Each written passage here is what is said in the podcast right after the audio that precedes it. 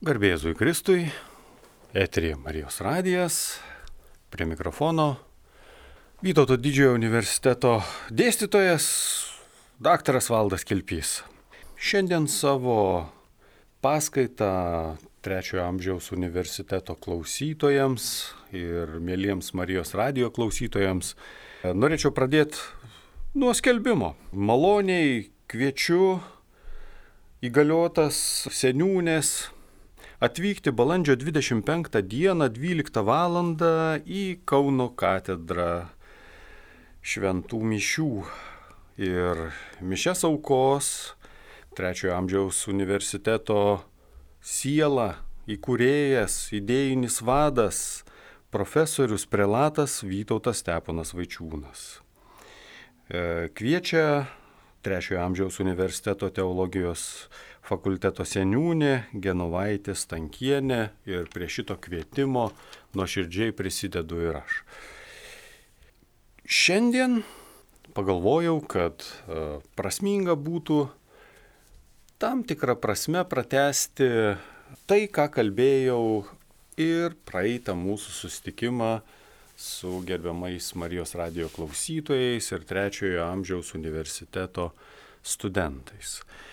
Anasik mes kalbėjom apie mokslo ir tikėjimo santyki ir šitą pokalbį pagalvojau, kad yra prasminga pratesti, truputėlį visą reikalą pasukant kiek kitokiu kampu. Koks tas kampas bus, uh, tuoj paaiškinsiu. Nes egzistuoja ir viešojoje erdvėje, ir šiaip su žmonėm pasikalbant tam tikras stereotipas, kad mokslas ir tikėjimas, tikėjimas ir mokslas yra tarsi kažkokia prieš priešą ir tas santykis nuolat yra toks, uh, nuolat diskutuojamas, tarsi vis neaptariamas ir vis neįsiaiškinama iki galo.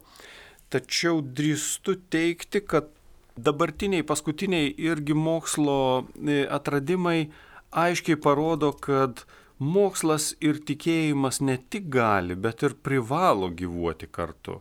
Ir šita tiesa nėra nei nauja, nei nežinoma. Ir atvirai pasakius, man iki šiol neaišku, e, kodėl laiks nuo laiko tos diskusijos ta tema vis taip iškyla. Išsilavinęs mokslininkas e, visuomet gerbė ir žino tikėjimo svarbą žmogui ir priešingai, net giliai tikintis asmuo, ko gero, niekada neneiks mokslo pasiekimo, nes jie apima visą mūsų gyvenimą ir daro jį patogesniu, geresniu. Čia tokia kaip ir pusiausvėra būtina ir manau, Jeigu jau gyvenam 21 amžiuje, daugelis ją jau įsisamonino ir drįsiu pastebėti, kad bent jau skaitydamas mokslinę literatūrą, e, pastebiu, kad įtampa tarp šių dviejų polių tolydžio mažėja. Nes kam pyktis, jeigu iš esmės nėra dėl ko. Bet visgi. Kaip ir minėjau, šią paskaitą skirsiu tolimesniam, gal sakykime, gilesniam ir įvairiapusiškesniam tikėjimo ir mokslo santykių aptarimui, negu kad prieš tai kalbėjom buvusiame pokalbėje. Beje, kas negirdėjot, galit nueiti į Marijos radio laidų archyvą ir ten pasiklausyti. Taigi, e, primenu, kad e, praeitoje paskaitoje garsių mokslininkų pavyzdys įrodo, kad keista ir neracionalu būtų ginčyti, pavyzdžiui, Alberto Einšteino, Newtono ir kitų visuotinai pripažintų e, mokslininkų mintis. Jie aiškiai pasisakė už tikėjimą, už Dievo ir mokslo organišką santykį ir tai atvirai deklaravo. Bet gal kiek nukrypsiu, kol neprieėjome prie paskaitos esminių teiginių. Žinot, klasikinis dabarties pasaulio supratimas tarsi tikinti žmogų įstato į rėmus. Tuoj paaiškinsiu, ką turiu mintyje. Ta prasme, kad jeigu tu tiki Jėzų, Dievo sūnų, automatiškai pradedi galvot, kad esi tarsi kažkoks kitoks, paženklintas. O jeigu konkrečiau, atsilikęs tarsi, stabdantis progresą ir paskutiniai viešojoje erdvėje besidedantis procesai, e, tai tik tai dar kartą liūdija, tarsi katalikai būtų visuomenės progreso kažkokie mm, įtarus stebėtojai, o gal net ir stabdytojai. Taigi prie to aišku prisideda ir mūsų žiniasklaida. Ir čia aš drąsiai tai sakau, kadangi tai rodo ir tyrimai. Ir šitų mano dviejų paskaitų tikslas, pasakysiu atvirai, yra pirmiausiai sėtinas e, su noru panaikinti tą keistą stereotipą. Arba įrodyti, kad yra kitaip. Nes mano galva, tikinti žmogus yra šimteriopai šiuolaikiškesnis, progresyvus ir labiau žvelgiantis pirmin į ateitį negu ateistas arba agnostikas. Ir šioje paskaitoje, ir praeitoje rėmiausi e, paskutinėmis pasaulinio lygio mokslininko mintimis. Ir dera deklaruoti, kad e, dabarties Lietuvoje mes esam tarsi šiek tiek ir užstrigę praeitįje, ne? Ir vis dar, būdami katalikais, tarsi privalome teisintis, kad esame tokie, o ne kitokie. Neverta. Tačiau, kita vertus, yra ir, kaip ir visada būna, kita medalio pusė, ar ne? Nederėtų manyti, kad e, mūsų tikėjimas į Dievo sūnų padaro mus kažkokiais aukštesniais, geriau išmanančiais pasaulio sandarą, jo susikūrimą ar kokias kitas esminės gamtos ir pasaulio paslaptis. Anaip tol. Tiesiog dabartinė mokslo raida, ir čia kalbu bendrai apie visas mokslo sritis, pasiekė tą ribą, kada be Dievo nekrust. Jis tapo reikalingas astronomams, jeigu pro teleskopą žvelgiame į žvaigždėtą dangų, o teleskopą turiu mintyje tą tokį bendrinį žodį, ar ne, jų būna įvairių radio, kosminių ir panašiai. Jos tinga ir genetikams, jeigu pro mikroskopą bandom įsiaiškinti lastelėse užkoduoto DNR, genomo ir itin kitas subtiles mikropaslaptis. Jos tinga visiems. Visi dabartinėme laikmetyje negali apsėti be Dievo. Apie tai kalbėjome praeitą kartą ir tikiuosi įrodžiau, kad žvelgiant į astronomijos ir genetikos paslaptis ir atradimus, jis tiesiog yra reikalingas atpaaiškinti tą sudėtingumą, kuris iškyla po paskutinių mokslinių atradimų. Žmonija prikaupė tiek mokslo žinių, kad e, net ne mokslininkui aišku, kad pasaulis per daug sudėtingas, kad atsirastų ir gyvuotų be aukščiausiojo pagalbos. Tačiau buvimas krikščionimi visgi uždeda ir tam tikrą, pavadinkime, ženklą kiekvienam žmogui. Net kalbant apie tikėjimo ir mokslo santyki, visai paranku prisiminti Evangeliją pagal Joną. Taigi 15 skyrius 18-21 eilutės. Jei pasaulis jūsų nekenčia, tai žinokite, jis manęs nekentė pirmiau negu jūsų. Jei jas, jūs būtumėte pasaulio, jis mylėtų jūs kaip savuosius. Kadangi jūs ne pasaulio, bet aš jūs iš pasaulio išskyriau, todėl jis jūsų nekenčia. Atsiminkite mano žodžius, kuriuos esu jums pasakęs tarnas nedidesnis už šeimininką. Jei persekiojo mane, tai ir jūs persekios. Jeigu laikėsi mano žodžio, laikysis ir jūsų. Ir visa tai jums darys dėl manęs, nes jie nepažįsta to, kuris yra mane siuntęs. Galgi čia švento rašto žodžiuose galime užčiuopti tam tikrus priešstatos tarp mokslo vyrų ir tikėjimo žmonių pagrindus.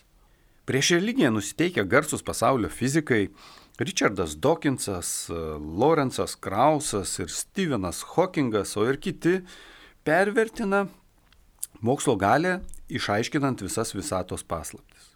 Taip, mokslas mums padėjo išsiaiškinti tikrovės istoriją ir sandarą nuo mikropasaulio iki visatos.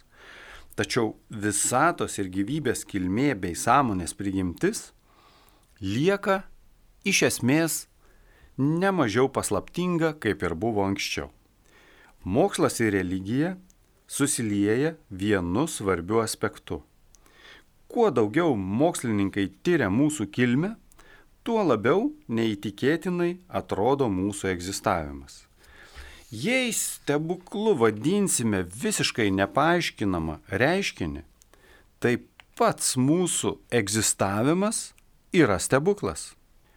Net žvelgiant iš grinai moksliškos perspektyvos, tai, kad pasaulis yra sutvarkytas su preciziška tvarka ir įvairių jėgų sąveikos balansų, grįstos e, galaktikos neišsibarsto dėl mums nepaaiškinamų priežasčių, tai ir yra grinasis stebuklas.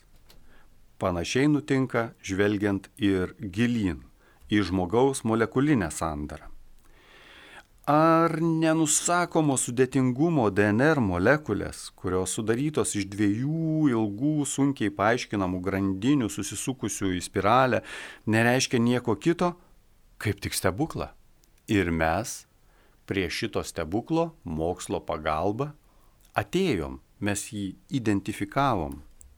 Gal ne iki galo supratom, bet bent jau žinom, kad toks yra. Kitai tariant, kuo giliau neri mokslą, tuo sunkiau patikėti, kad tikrovė kilo iš grynojo atsitiktinumo. Net nepalenkiamas ateistas fizikas Stevenas Weinbergas pripažino, kad, cituoju, gamta atrodo gražesnė nei tiksliai to reikėtų. Tačiau mokslas geriausiai tarnauja žmonijai tada, kai jis yra laisvas nuo bet kokių dogmų įtakos ir pasilieka savo teisę abejot bet kokiomis prielaidomis. Šią prasme mokslo ir tikėjimo klausimas įgyja dar vieną atspalvį. Tarp jų reikalingas paradoksalus dialektinis ryšys santykis, jeigu norite. Tarsi vienas be kito ir negali, o tuo pat metu vienas kitam ir netrukdo. Esu tikras, kad neprotinga manyti, jog žmonės jau viską žino apie pasaulį, jo kilmę ir sandarą. Dar daug neįtikėtinų atradimų mūsų laukia ateityje Ir būtent todėl esu įsitikinęs, kad mokslas ir religija vis labiau artėja prie susitaikymo. Nes mokslo ir tikėjimo santykyje galioja tas pats universalus ir nekarta gyvenimo patvirtintas dėsnis. Kuo daugiau žinai, tuo labiau tampa aišku, kad nežinojimo platybės taip pat išsiplečia. Mokslininkai nuolat susiduria su neatsakomais klausimais.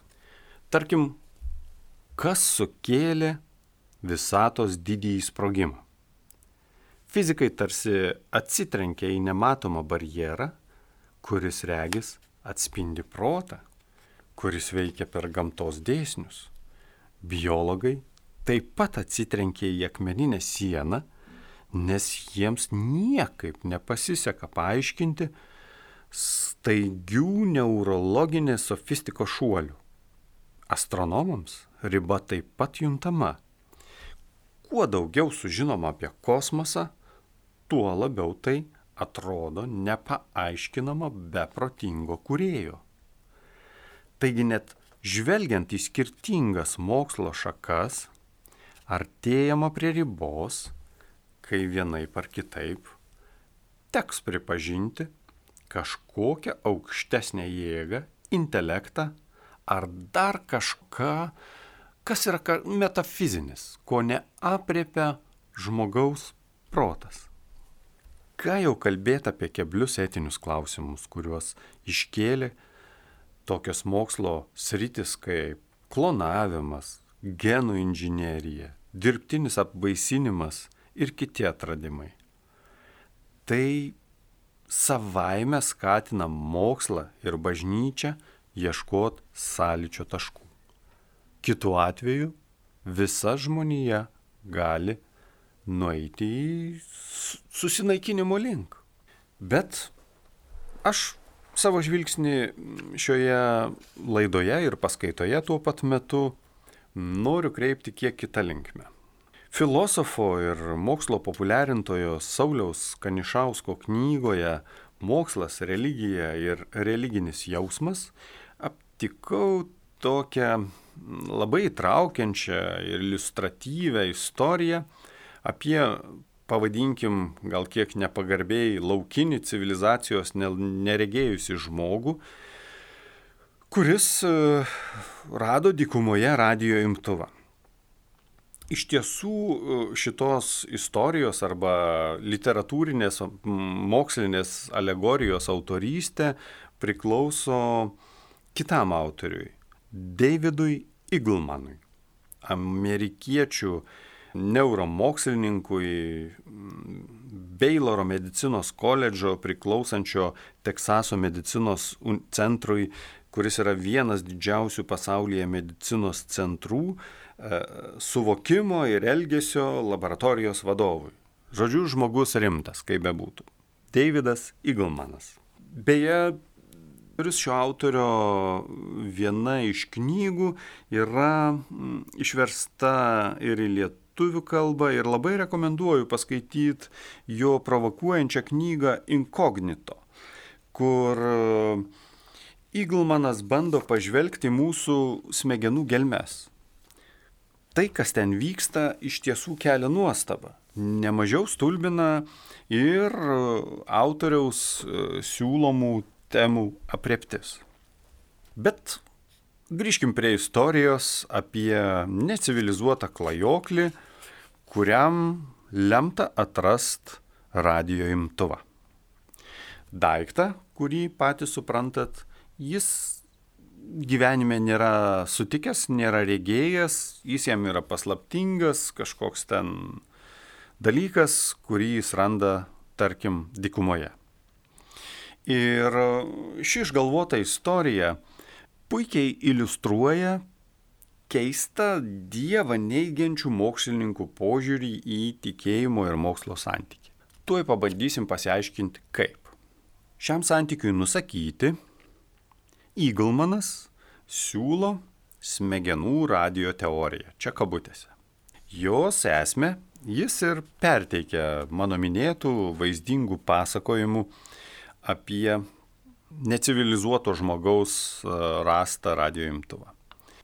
Kaip ir minėjau, klajoklis tą daiktą regi pirmas į gyvenime, jisai spaudo mygtukus, sukinėja rankenėles ir netikėtai išgirsta negirdėtą muziką, nesuprantamą kalbą ir, aišku, jį ištinka šokas, jis labai labai nustemba. Čia buvis yra nepaprastai smalsus jis e, linkęs į mokslą, tiesiog taip susiklostė jo gyvenimas, kad jis gyvena, vadinkim, tokį pusiau laukinį gyvenimą. Ir jis nori suprast, iš kur tie garsai sklinda ir kaip jie atsiranda. Jisai įtaria, kad kalba ir groja pats atrastas daiktas. Jis išardo radio aparatą, atidaro ten kažkokį dangtelį, sakykim, ir aptinka laidų raizgalynę, kažkokias nesuprantamas blizgės detalės. Na, jeigu kas matėt, kas dedasi radio imtuvo viduje, tai maždaug įsivaizduojate, apie ką aš kalbu. Ir uh, klajoklis bando kažkaip įsiaiškinti to aparato veikimo principą, ar ne? Jisai nutraukia, tarkim, geltoną laidelį ir radijas nustoja kalbėti arba grot. Jį prijungus, garsai vėl ima sklisti. Nutraukus kitos spalvos laidą, bet garsai tarsi ir girdisi, bet kažkokie nelabai kokybiški, uh, iškraipyti. Ir vėl jį prijungus viskas atgyja. Ir kai radėjas atidžiai patikrina visus laidelių sujungimo būdus, aišku, su ta sąlyga, jeigu jis to radio nesugatina, sugeba kažkaip atjungti ir vėl sujungti visus tos dalykelius, jis įsitikina, kad iš to radio imtuvo sklindantis garsai priklauso tik nuo to, ar teisingai sujungtos visos detalės, ar tų detalių iš esmės netrūksta, ar teisingai nuspaustas kažkoks mygtukas, ar pasukta rankenėlė? Ir jis natūraliai padaro išvadą, kad magiškus garsus, žiūrint iš jo perspektyvos, sukuria pats atrastasis daiktas. Arba kitaip tariant, jame esantis taisyklingai pagal kažkokias e, iš anksto nustatytas taisyklės sujungti laidai ir tos keistosios detalės. Jeigu pa, kalbant paprasčiau, radijas veiks tik tuo met, kada visi mygtukai, laidai, rankenėlės bus savo vietose. Nu, aišku, ir užteks baterijų. Nes jeigu truputėlį ką nors tame daikte pakeisi, jis nebeveiks arba veiks blogai. Ir jeigu klajokliui kas nors būtų pasakęs, kad surastas daiktas ne pats kuria ir skleidžia garsus, o tik atgamina iš toli pasiustuosius, tuo jis ko gero, ne ko gero, beveik garantuoju šimtų procentų, jis nebūtų patikėjęs. Būtų pasukiojęs pirštą prie smilkinio. Patys pagalvokit. Radėjas jokių ore sklindančių garsų negirdi. O muzika ar, tarkim, nepažįstama kalba sklinda tik iš to surastojo daikto. Taip kad klajoklio išvada labai aiški ir konkreti. Daiktas groja savaime ir nieko aplink be jo nėra. Nes jūsliškai tų radio bangų niekaip neišgirsi. Juolap, jeigu niekas tavęs apie, apie tas radio bangas nemokino, neaiškino, kad jos tokias apskritai pasaulyje egzistuoja. O jeigu negirdi, tai ir nėra. Faktas, kad taip. Paaiškinimas, kad muzika ir kalba yra perdodama radio bangomis, o surastas daiktas tas radio bangas tik paverčia žmogui girdimais garsais, jo niekaip neįtikintų. Radio bangų ne tik smalsusis atradėjas, bet ir jo gentainiai niekada negirdėjo, nematė, nečiupinėjo, neuostė, neragavo, jų niekas niekada net ir nesapnavo. Tad kalbos apie kažkokias radio bangas yra kažkokia nesąmonė. Gal net apgaulė. Nežiūrint to, jūs dabar klausotės Marijos radio, kuris ko gero daugeliu sklinda radio bangomis kažkam, sakykime, ir internetu. Bet tai nesmė. Tai būtent taip ir mąstytų tik savo jūslėmis e, pasikliaujantis klajoklis, kurį Eaglemanas pavadino radio materialistu. Panašiai tiesą pasakius masto ir dauguma Dievą neigiančių mokslininkų. Tiesa, jie apie radio bangas puikiai nutuokia, bet žmogų panašiai traktuoja kaip Eaglemano hipotetinis klajoklis, kaip jis suvokė radio jungtuvą. Žmogus jiems tarsi laidų raizgalynė. Ir tie laidai, jeigu teisingai sujungti, yra patys savo pakankami. Nereikalingos jokios metafizinės radio bangos, alegoriškai kalbant. O kalbant teologiškai, žmogus nėra sukurtas pagal Dievo paveikslą. Jis apskritai nesukurtas. Tai tik laidų ir detalių visuma. Ir jeigu testume šią radio imtuvo ir žmogaus analogiją, tai galima padaryti dar įdomesnių išvadų. Tarkim, žvilgtelėkime šitą reikalą per smegenų veiklą, jų aktyvumą, tyrinėjimų smegenų, nervinių ląstelių sandarą, žodžiu, per e, neuromokslų prizmę. Čia rasime dar vieną keistą ir gana primityvę analogiją, kuri labai gaji mechanistiškai žmogų traktuojančių mokslininkų tarpe. Šiuo atveju žmogus lyginamas su ypatingai sudėtingu kompiuteriu nu, gal sakykime, ne visas žmogus, bet bent jau jo smegenis, tai jau tikrai. Tikrai esat girdėję tokių palyginimų. Lik primityvūs klajokliai vietoje įvairias spalvių laidų ir keistų blizgių detalių, jie lygiai tuo pat metodu, lygiai taip kaip a, dykumoje nežinomą daiktą radęs necivilizuotas žmogus tyria žmogaus smegenyse esančius neuronus ir sudėtingus jų tinklus. Ir lygiai taip pat kaip tas civilizacijos neregėjęs žmogelis, jie prieina prie išvados, kad žmogaus protas, jausmai, reakcijos, o tam klajokliui tai būtų iš imtuvo sklindantis garsai, kyla tik iš tų įvairiais būdais jungiamų neuronų tinklų raizgalynės. Jeigu tu sujungi teisingai, tai yra jeigu tavo mintis kažkaip teisingai prabėga tais neuronų tinklais, garsas yra. Jeigu neteisingai, tu turi problemų arba tau reikia kreiptis į psichologą, nedaug dievė dar ir psichiatrą. Ir sak jų, būtent nuo to priklauso žmogaus mąstymas. Jausmai, emocijos, pojūčiai, net ir tikėjimo dalykai. Pats žmogus, kaip jau minėjau, yra tapatinamas su sudėtingu kompiuteriu, kuris skirtas iš aplinkos klindančios informacijos apdorojimui. Aplinka čia pačia bendriausia prasme. Ir nedaugiau. Keista skaityti tokius teiginius, keista apie tai galvot taip, kaip uh, galvoja būtent šitą mechanistinį požiūrį propaguojantis mokslininkai. Pabandykim pasiaiškinti detaliau, kodėl žmogus yra gerokai sudėtingesnis nei radio imtuvas ar kompiuteris. Pabandžiau uh, susisteminti šitos daiktus, nu, teiginius, sakykim taip, papunkčiui. Taigi, pirmas teiginys.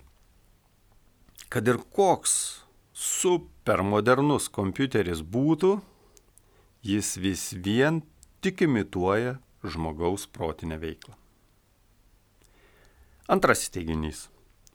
Bet kuris kompiuteris veikia tik pagal žmogaus jam įdėktus principus ir visą būtiną informaciją, turiu minti kompiuteris, jis gauna tik iš žmogaus arba tiesiogiai, arba iš kitų žmogaus sukurtų prietaisų ar renginių. Kitaip tariant, bet koks žmogaus sukurtas įnagis kompiuteris ar radio imtuvas, šiuo atveju jie tam tikrą prasme eina greta vienas kito, yra esmiškai nesavarankiškas. Juk jeigu mes ryte atėję nepaspaustume on mygtuko, jungimo mygtuko, tai tas kompiuteris ir neužsivestų. Arba jeigu mes net naujintume, arba nebūtų kažkokių tai galimybių tam kompiuteriui atsinaujinti savo programas, kurias vis tiek vienaip ar kitaip parašo arba žmogus, arba jo valdomi įrenginiai, tai jisai net ir netobulėtų. Trečias teiginys. Žmogaus ir kompiuterio santykis iš tikrųjų yra panašus į paminėtą klajoklio rasto radio imtuvo ir radio bangų santyki. Tiek vienu, tiek kitu atveju yra nenorima pripažinti, kažko neapčiuopiamo egzistavimo. Jau turbūt suprantat, kad mintyje turiu Dievą. Klajokliui, jeigu grįžtam prie tos klajoklio istorijos, tai yra nematomos radio bangos, kurių egzistavimu jisai tiesiog netiki. Kompiuteriui tai yra jį valdantis žmogus programuotojas ar kiti žmogaus programuotojo valdomi įrenginiai, kurie susisieja su tuo konkrečiu kompiuteriu. O tuo tarpu pačiam žmogui save yra lengviau įsivaizduoti kaip tokią mechanistinę neuronų raizgalynę, kuri su metafizika, anapusybė, o galiausiai su pačiu Dievu neturi nieko bendro. Tiesiog taip gyventi yra paprasčiau. Ir būtent dėl to, kažkodėl esam linkę žmogaus savybės aiškinti grinai realistiškai. Ir aš tą žodį realistiškai šiuo atveju sakau kabutėse. Atmesdami bet kokių transcendentinių įtakų idėją. Juk galvojant plačiau, taip aiškindami žmogaus priimti, mes patys daromės panašus į savotiškus laukinius, kurie dėl savo mąstymo siaurumo atmeta visą tai, kas negirdima, neužuodžiama, neparagaujama, nepačiupinėjama. Ir klajokliui tai yra radio bangos, o šio laikiniam žmogui, o nu, sakau šio laikiniam žmogui ir, ir pats tarsi a, šypsausi, šio laikiniam, o iš tikrųjų atsilikusiam žmogui, tai yra santykis su Dievu. Nes Dievo mes irgi negalim nei pačiupinėti, nei palaižyti, nei pauostyti, nei, nei nieko. Ir įsivaizduojam, kad ta laidų raizgalinė mūsų kūne, smegenyse ar dar kažkur yra savipakankama, kad gerai funkcionuotų, o grįžtant prie analogijos su laukiniu, kad tas radio imtuvas tiesiog skleistų kažkokius tai garsus. Galgi, darau drąsią prielaidą, o gal net ir teiginį, tai, ką vadiname sąžinę, Dievo balsu mumise, iš tiesų ir yra tos radio bangos, kabutėse aišku, kurių niekaip negali arba nenori išgirsti netikinčio mokslininko radio imtuvas. Ir dar norėčiau aptart vieną aspektą, kuris svarbus kalbant apie tikėjimo ir mokslo santykį. Drįstu teikti, kad pats mokslas, jeigu taip bendrai šnekant apie mokslą, pats mokslas yra tikėjimas. Ir čia tikėjimas irgi kabutėse. Skamba keistokai. Pabandykim pasiaiškinti. Didžiąją savo gyvenimo dalį, dirbęs teorinės fizikos srityje ir bendradarbiavęs su šios mokslo srities pasaulinio garso specialistais, o vėliau tapęs anglikonų pastoriumi Jonas Polkinghornas savo knygoje Questions of True arba Tiesos klausimai rašo, kad jis nemažai metų propagavo mintį, kad mokslas mums pasako, koks yra tas fizinis pasaulis. Kad mokslo pasiekimai yra įspūdingi ir nepaneigiami. Ir jis tiesą pasakius rašo, kad, kad tos minties jis neatsisakas iki šiol. Tačiau kyla šiokia tokia problemėlė. Žymusis pastorius teigia, kad daugumos žmonių nuomoniai, kad ką mokslininkai atradė yra akivaizdu ir nepaneigiama, jis negali pritarti. Nes tas akivaizdumas yra tariamas. Nes pačiame moksle galima aptikti krūvas klaidų, netikrumo, o svarbiausia, kad tie moksliniai teiginiai iš esmės yra fakto ir interpretacijos lydinys. Dažnai kalbėdami apie tam tikrus faktus, e, patenkame į tą pačią situaciją kaip ir su aptartuoju radio imtuvu, ar ne? Privalom tikėti tuo, kas yra neapčiuopiama. Kitaip tariant, arba paprasčiau sakant, vadinamieji moksliniai faktai, nu, tarkim, kvarkų egzistavimas, paaiškinsiu, kas yra tie kvarkai, tai tas kvarkų egzistavimas yra susijęs greičiau su pasitikėjimu ir net tikėjimu į tą mokslinę teoriją, o jeigu šnekant mūsų kontekste į faktų interpretaciją, kad tai yra teisinga, negu kad e, su konkrečiais apčiuopiamais dalykais. Tai tas kvarkas yra tokia itin maža, e, viena iš dviejų fundamentaliųjų medžiagos sudedamųjų dalių, apie kurios egzistavimą fizikai, kvantinės fizikos e, specialistai tik spėlioja. Niekas jo nėra nei matęs, nei, nei kaip sakyt, kažkaip tai apčiuopęs.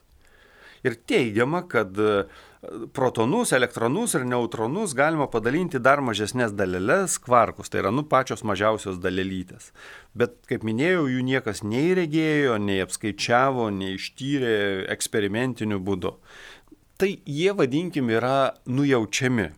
Tai, arba kitaip tariant, į juos yra tikima. Ir mano minėtas autorius sako, cituoju, kad niekas niekada nėra matęs kvarko ir manau, jog niekas niekada jo ir neišvys. Ir klausia savęs, kodėl jis vis dėlto tiki, kad tie neregimi kvarkai egzistuoja. Ir kodėl jis tiki, tarkim, kad nu, viena iš tų mūsų temų aptartų praeitą pokalbį, didysis sprogimas iš tiesų buvo. Juk niekas iš čia žemėje esančių gyvų padarų to gyvojo, to didžiojo sprogimo arba pasaulio sukūrimo, arba visatos atsiradimo ir tolimesnio plėtimosi fakto nei matė, nei girdėjo. Tiesiog juo yra tikima. Atsakymas į šį klausimą yra ganėtinai sudėtingas, bet Polkinghornas jį perteikė maždaug taip. Kvarkais paaiškinama daug tiesioginio fizikinio patyrimo, todėl jų egzistavimu tiesiog reikia tikėti.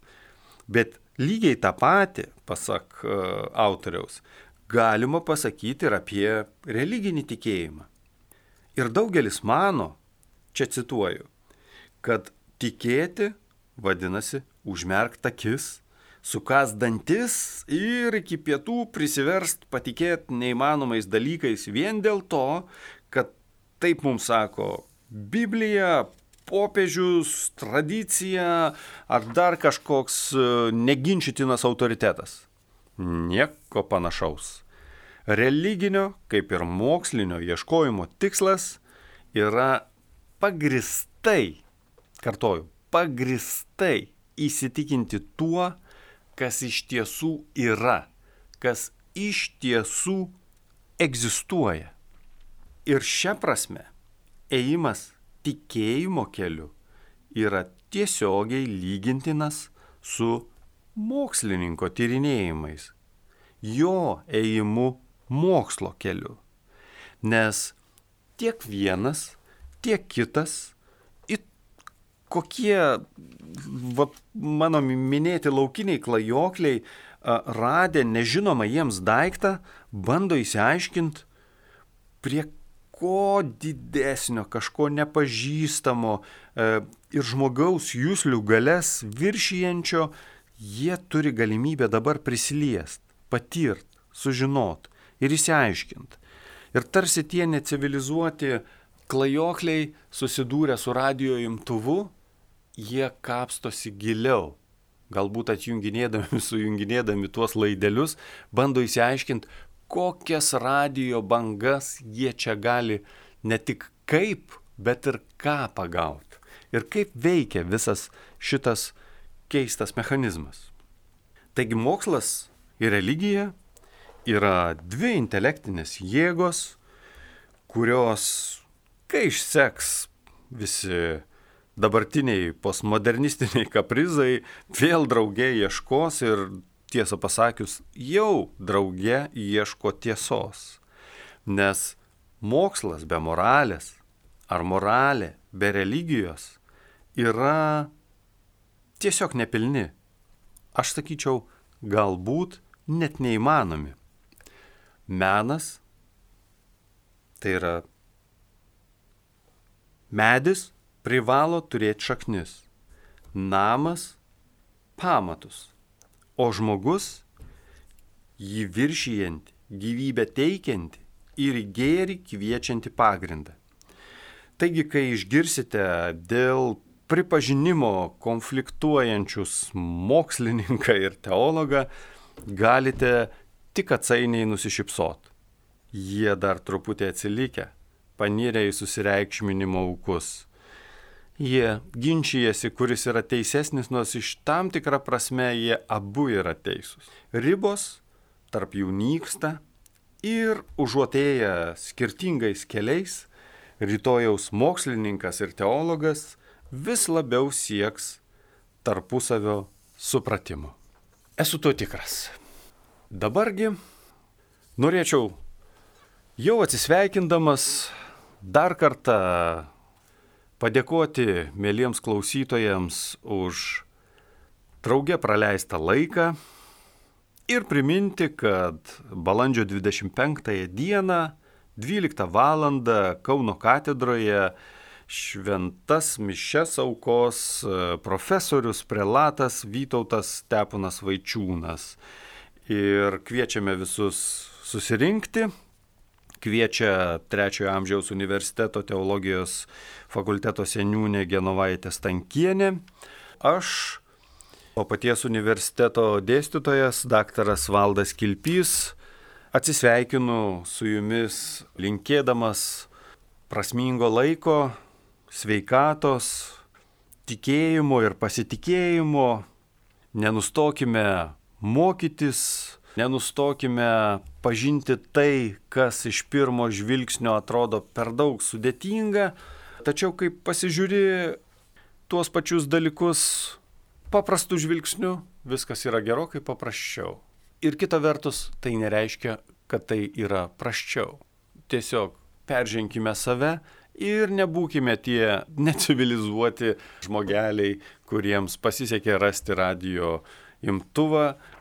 Ir negalvokime, kad radio imtuvas kalba pats iš savęs. Yra kažkas daugiau, yra kažkas rimčiau ir tai padeda mums gyventi, mus palaiko ir iš tiesų mums kaip katalikams yra nuo to tik dar geriau, kadangi mes tikime į Kristų, Jėzų ir tikiu, kad su jo pagalba viskas bus gerai.